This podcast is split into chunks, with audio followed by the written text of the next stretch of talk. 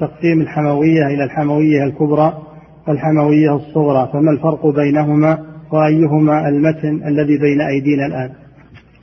اللي بين بين أيدينا الكبرى والصغرى ما رأيت هذا وما تكون مختصرة من هذه. نعم. يقول فضيلة الشيخ وفقكم الله أرجو أن تفصلوا لنا تفصيلا مناسبا في حكم من طاف حول القبور وماذا نقول؟ عمن طاف في هذا الزمان في بعض البلدان الإسلامية. إذا طاف حول القبور يتقرب إلى أصحابها هذا شرك أكبر لأنه يعبد الميت لأن الطواف عبادة. الطواف عبادة. فإذا نوى به الميت وتقرب إلى الميت في الطواف بقدره هذا شرك أكبر يخرج من الملة لأنه عبد غير الله. أما إذا كان يظن أن الطواف بالقبر أنه عبادة لله وناويه لله عز وجل. ولكن يطوف بالقبر يظن أنه ينفع الطواف به عند الله. فهذا يعتبر شركا أصغر لأنه لم يقصد القبر وإنما قصد التقرب إلى الله. لكن تقرب إليه ببدعة تقرب إلى الله ببدعة. فهذا يعتبر ضلالا ويعتبر شركا أصغر نعم. يقول فضيلة الشيخ وفقك والغالب والله أعلم أن اللي يطوفون بالقبور من النوع الأول يقصدون التقرب إلى الأموات هو شرك أكبر. نعم. يقول فضيلة الشيخ وفقكم الله هل هناك قاعدة واضحة في مسألة العذر بالجهل في الأفعال؟ الجهل على قسمين. جهل لا يمكن زواله أن يكون في مكان ما عنده علماء ولا ولم يبلغه شيء.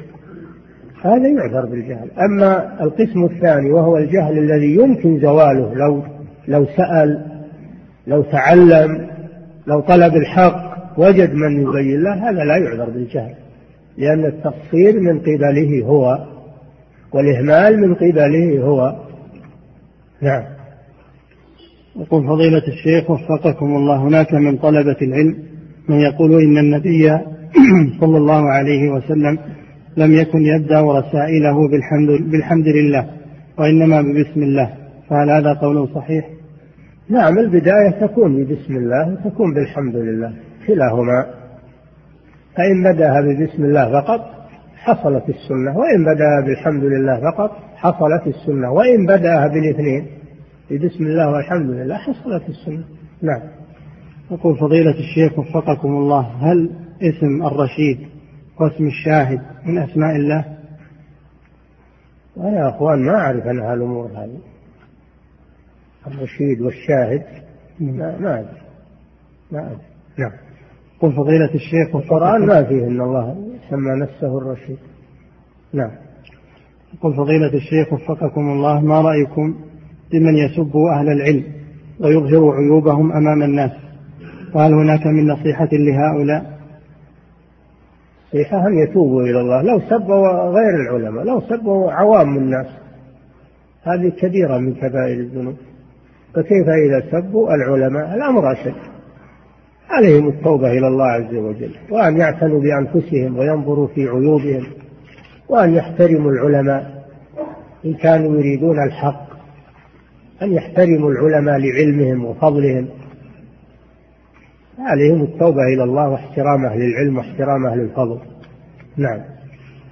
يقول فضيلة الشيخ وفقكم الله إحدى النساء تسأل لأنها في إحدى ليالي رمضان ضبطت الساعة قبل أذان الفجر بنصف ساعة ثم إنها قامت وشربت الماء ظنا منها أنها قبل الفجر إلا أنها فوجئت أنها شربت بعد الأذان وتسأل ماذا عليها؟ لأنها تنوي صيام الست من شوال.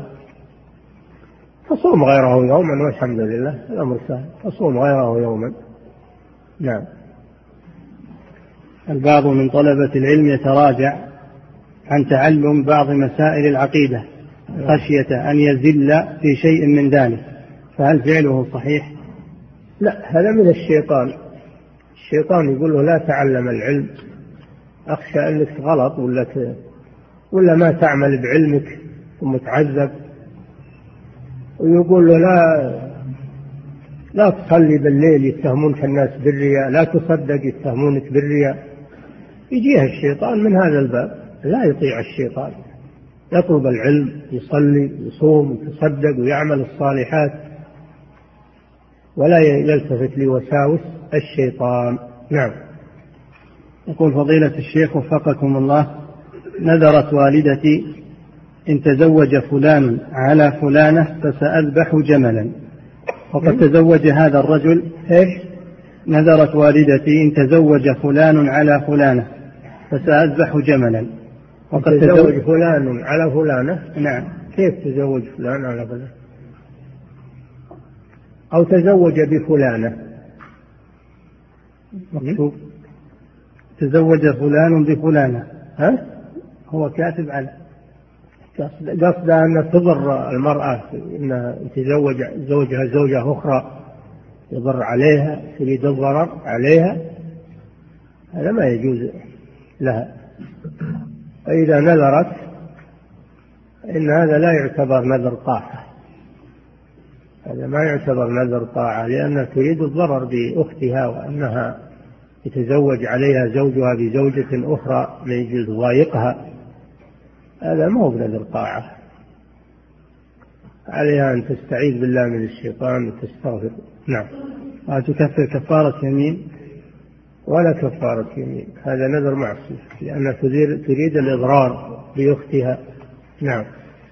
يقول فضيلة الشيخ وفقكم الله هل القول بارتكاب أدنى المفسدتين وهي هنا الدراسة المختلطة في كليات الطب دفعا لتركز تعليمه في أيدي الكفار والفساق. هل هذا كلام صحيح؟ وخصوصا بالنسبة للنساء. ما ألجأنا الله إلى هذا. نجعل تدريس النساء للطب على حدة يدرس النساء طبيبات نساء ونجعل تدريس الطب للرجال على حدة يدرسهم رجال. لو أراد العالم الإسلامي هذا لا توفر لهم بسهولة. الذي يريد الحق لا ما هو صعب أبدا أنه يفصل تعليم الرجال عن النساء في الطب وفي غيره. ويتولى تدريس النساء نساء طبيبات ويتولى تدريس الرجال رجال أطباء. نعم. يقول فضيلة الشيخ وفقكم الله تعلم الطب هل هو فرض كفاية تأثم الأمة بتركه؟ لا. فرض الكفاية في أمور الدين أما هذا من الأمور المباحة. هذا من الأمور المباحة. لكن إذا تعلمه الإنسان بقصد نفع المسلمين يؤجر عليه يؤجر عليه. أما أنه فرض كفاية لا. أو فرض كفاية. والعلاج كله ما هو بواجب. العلاج والتداوي ما هو بواجب مباح. نعم. وفضيلة الشيخ وفقكم الله هل الأخذ من اللحية جائز أم, أم واجب أم محرم؟ وهل صحيح أن الإمام أحمد رحمه الله يرى أن الأخذ من اللحية من إكرامها. والله اللحية مشكلة على كثير من الناس مضيقة عليهم ولا حول ولا قوة إلا بالله. يا أخي لا يجوز الأخذ من اللحية حرام. لا يجوز. الرسول صلى الله عليه وسلم يقول أرسلوا اللحى وفروا وفروا اللحى. اللي قصة هذا وفرها ما وفرها. يقول وفروا اللحى أرسلوا اللحى أكرموا اللحى. أعفوا اللحى ألفاظ صحيحة في الصحاح. كلها تدل على أن اللحية تترك ولا يتعرض لها. نعم. يقول فضيلة الشيخ وفقكم الله ما هي حدود اللحية؟ وهل ما تحت الحلق يعد منها؟ حدود اللحية بينها العلماء. ما لبس على العارضين والذقن ما لبس على العارضين والذقن وهو مجمع اللحيين. هذه اللحية. وأما الحلق فليس من اللحية. نعم. يقول فضيلة الشيخ وفقكم الله ما حكم تقبيل المصحف بعد التلاوة؟ لا أصل لهذا من من السنة لكن يروى أن عكرمة بن أبي جهل رضي الله عنه كان يقبل المصحف اجتهاد منه. ولا أصل لهذا من السنة. نعم. يقول فضيلة الشيخ وفقكم الله من بلغه الإسلام من بلغه الإسلام مشوها عن طريق بني جلدته ومات على كفره هل يعد ممن قامت عليه الحجة؟ إيه نعم. ما دام عرف أن هنا إسلام يجب عليه أنه يبحث عن الإسلام الصحيح وهو ميسور ولله الحمد. ميسور. ما يبقى بين قومه وبين بني جلدته بل يبحث عن الإسلام الصحيح يتأكد. نعم. وفضيلة الشيخ وفقكم الله إذا ذهبت إلى قبر صديقي لأبكي عليه هل هذا حرام أم لا؟ أي نعم. لا يجوز تذهب للقبر لأجل تبكي عليه لأجل تدعو له تسلم عليه. أما أنك تبكي عليه لا. البكاء وقت المصيبة فقط وقت المصيبة. أما بعد مضي المصيبة فلا يشرع البكاء. نعم. يقول فضيلة الشيخ وفقكم الله هناك من يقول إن كل صغيرة إذا استمريت عليها تصبح كبيرة والأغاني صغيرة فإذا فإذا استمررت عليها أصبحت كبيرة. هل هذا قول صحيح؟ نعم هذا قاله كثير من العلماء إن إن الإصرار الإصرار على الصغيرة يصيرها كبيرة. لأنه إذا أصر عليها تساهل بها. صارت كبيرة ولهذا يقول لا لا صغيرة مع إصرار ولا كبيرة مع استغفار.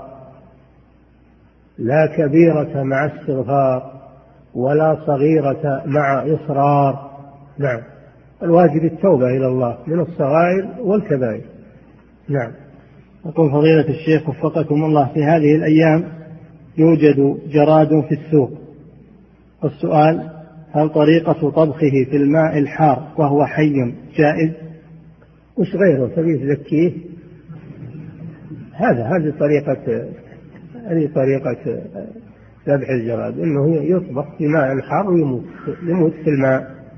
نعم. يقول فضيلة الشيخ وفقكم الله ما حكم التصوير بجميع أنواعه؟ وما حكم مشاهدة الفيديو؟ التصوير بجميع أنواعه حرام إلا ما دعت إليه الضرورة. تصوير للبطاقة للرخصة لجواز السفر. هذا دعت إليه الضرورة لأنك لو ما تصور تعطلت تعطلت منافعك. هذا يجوز للضرورة وما عداه لا يجوز. التصوير للذكريات التصوير لل... للحفظ التصوير للفن كما يقولون تعليقه على الجدران الاحتفاظ به في في في صناديق كل هذا ما يجوز. ما عدا الضروري فلا يجوز التصوير. نعم. يقول فضيلة الشيخ وفقكم الله ما حكم حلق اللحية في الدول التي فيها العسكرية التجنيد يعد إجباريا فيحلقها لمدة معينة؟ فهل فعله جائز؟ لا. لا يطيعهم في معصية الله. لا يطيعهم في معصية الله. بل يبقي لحيته.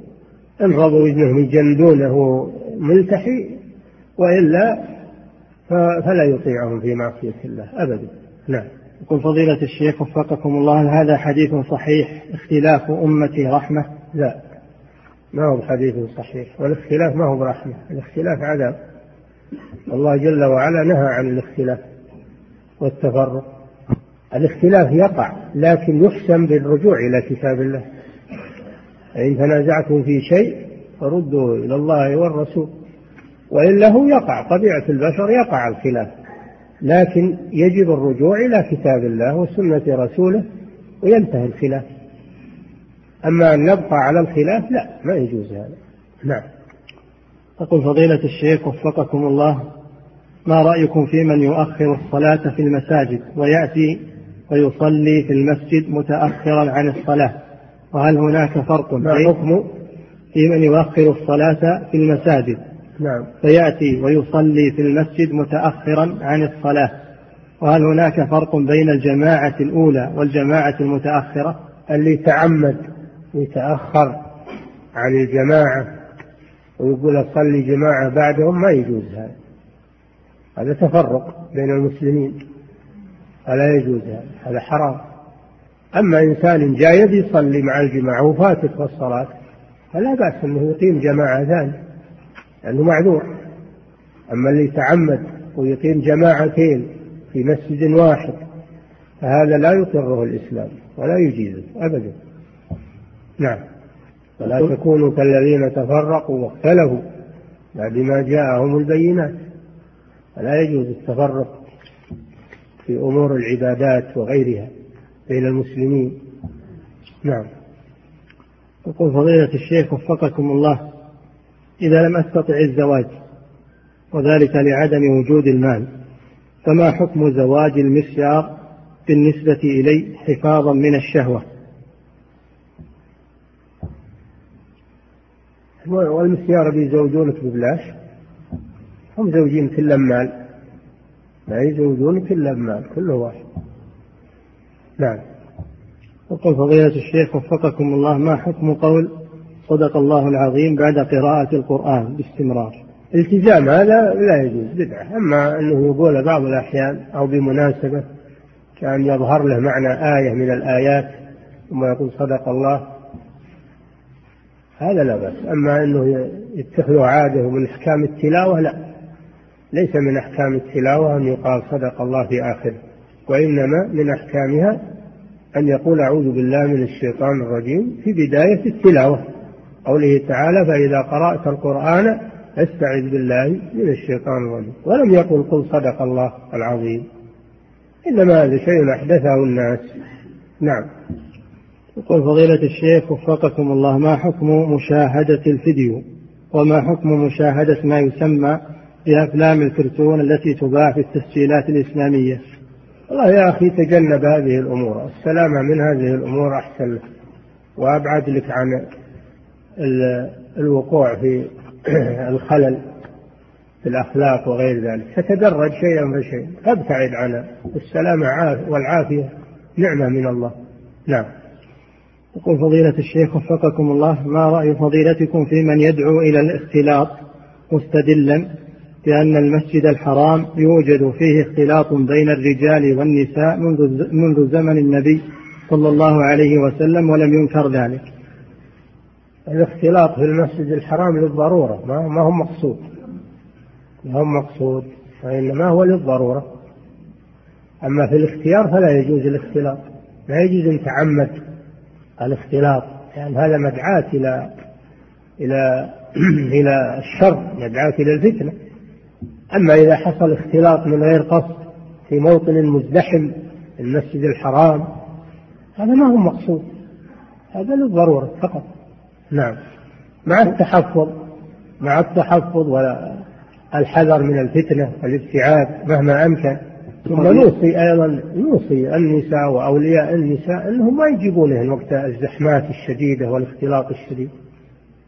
العلماء قالوا أن النساء يطوفن بالليل. يطوفن بالليل مثل ما هو في المغني وغيره. حفاظا عليهن.